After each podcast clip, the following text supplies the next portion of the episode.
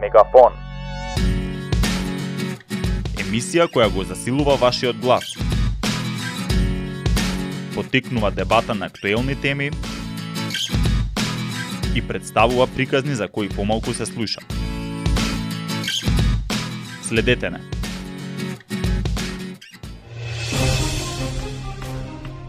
Опцијата да се пишеме како сме етнички припад, припадници, значи покрај тоа што сме македонци кроз граѓани на Република Северна Македонија, можеме да се пишеме етнички како македонци, албанци, турци, срби, власи, роми или слично. Личната карта е пред се документ за лична идентификација. Во документите да лична карта, документ со кој ние сите се идентификуваме, каде се сите наши наши податоци, да го има и графата на на етничката припадност. Мислиме дека со тоа никој ништо не губи, само можеме да добиеме. Не гледам а, што е тука спорно, ако во графата а, националност, нели бетон беше идентитетот, стои мојата етничка припадност дека јас сум македонец. И инсистирам тоа да стои. Политичките партии СДСМ, БЕСА и ВМРО ДПМН изминатиот период позитивно се изјаснија за впишување етничка припадност во личните карти. Иницијативата за законските измени датира од 2020 година, но сега оваа идеја повторно никна во јавноста, па многумина реагира и се запрашаа што би донела ваква етничка графа и зошто воопшто се инсистира на вакво решение.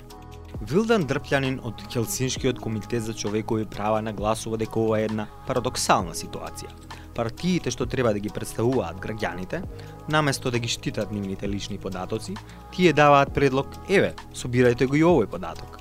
Според Вртлянин, ваквиот предлог не би требало да се случува во една демократски ориентирана земја. Мислам дека само дополнително ќе ги нагласи разликите помеѓу граѓаните и дополнително ќе се оди кон поголема отуѓа на, на заедниците, односно на луѓето со различна етничка припадност, дека само по, повеќе ќе биде во насока на пребројување, односно кого има колку, а многу помалце во однос на суштинска промена и градење на едно меѓуетничко и а, функционално општество и систем.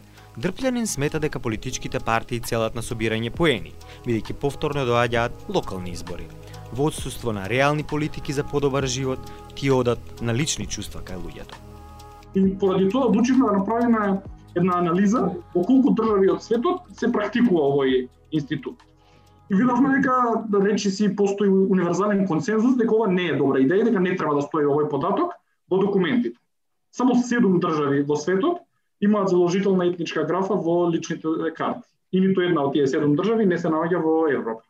Мислам дека од овој предлог нема апсолутно ниту една придобивка и секој што тврди дека има повеќе оди на некои формални елементи како дека правичната застапеност ќе биде подобро запазена, дека повеќе ќе се почитуваат одредбите што се наведени за заштита на малцинските заедници и така натаму, без да елаборира дека и тој нов систем би можел да се злоупотребува. Според политикологот Сара Миленковска, овој концепт уште повеќе го вулгаризира целиот концепт на едно граѓанско општество, кој самите сакаме да се стремиме смета дека ова задира во нешто што е уставно загарантирано право, во личната определба како се чувствуваш во однос на својот етникум. Особено јас, на пример, потикнувам семејство кое што е мултикултурно, што е да тоа значи, бидејќи мајка ми од Босна, татко ми од Македонија и како јас би требало да се декларирам во личната карта. Некој денови се чувствувам оце повеќе како да сум од Босна, некој повеќе од Македонија, некогаш по воопшто не се чувствувам како да сум дел од оваа земја заради одредени случувања и политички а, ситуации кои што ти ти прават да не се чувствуваш допредаден или да си дел од одредена заедница. Миленковска смета дека ниту една аргументација не покажува дека ова би го напредило општеството. Предлогот е абсурден, вели таа, и не дефокусира од останатите важни процеси од политиката, економијата, културата или социјалата Затоа, вели таа, треба да разрешиме како граѓанско општество и како заедница од аспект што значи да припаѓаш на една држава во услови кога има системско отуѓување на младите.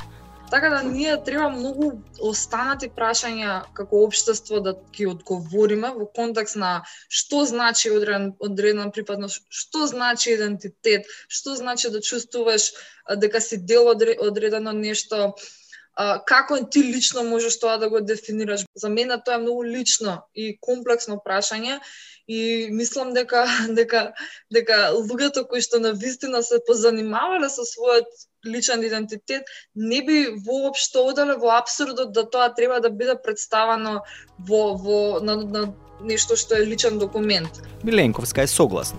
Богатство е да си има широко семено дрво со двоен, троен или повеќе слоен етнички идентитет.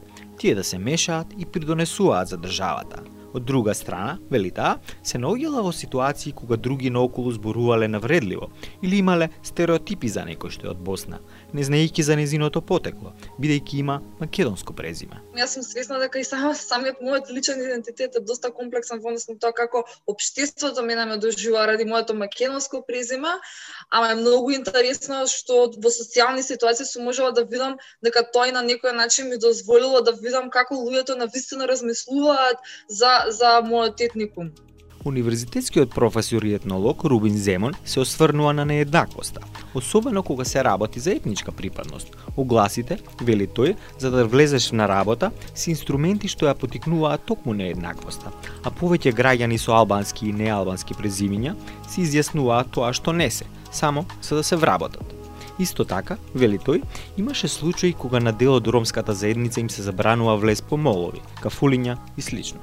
Сега само ако тоа се стави во личните карти, уште повеќе ќе тие што дискриминираат ќе доб, ќе добијат алатка во рацете за да може да го тоа спроведуваат, иако тоа е по закон не е нели дозволено, меѓутоа кај нас знаете дека владаат голем број на непишани правила и се додека дојде да кажеме да владае правото, дисциплинацијата ќе се зголема и понатаму. Земон е дециден дека етничкиот идентитет е променлива, флуктуидна категорија. Не треба да биде запечатен како белек во текот на животот на еден човек. Од нашата светска историја знаеме како тоа се случувало за време на на Втората светска војна, кога еден народ цел тоа се евреите на некој начин ги обележува за да бидат дискриминирани. Јасно е тоа. Или во поновата, да кажеме, или по-блиската историја, тоа што се случуваше во Јужна Африка со апартхеидот, јасно беше дека сето тоа водеше кон поделби во општеството со цел да се потикнува нееднаквост и дискриминацијата. Во однос на етничкиот идентитет, Земон прашува што би пишувало во идентитетот на некое дете од мешан брак, кое што туку родено. Кој ќе го пријави тоа дете за да добие извод? Мајката, таткото или некој од роднините? Што тоа одлучува својот идентитет а се наоѓа од мешан брак. Значи абсурди се очигледно, а да не зборуваме дека човекот си го ствара својот идентитет, поготово етничкиот, некаде во средни во средно школу некаде после 18 години најповеќе нели се им, имал сознание за својот етнички идентитет и и кој нормално повторно кажеме променлив. Не може не мора да биде дека тоа е едно што секој дадено.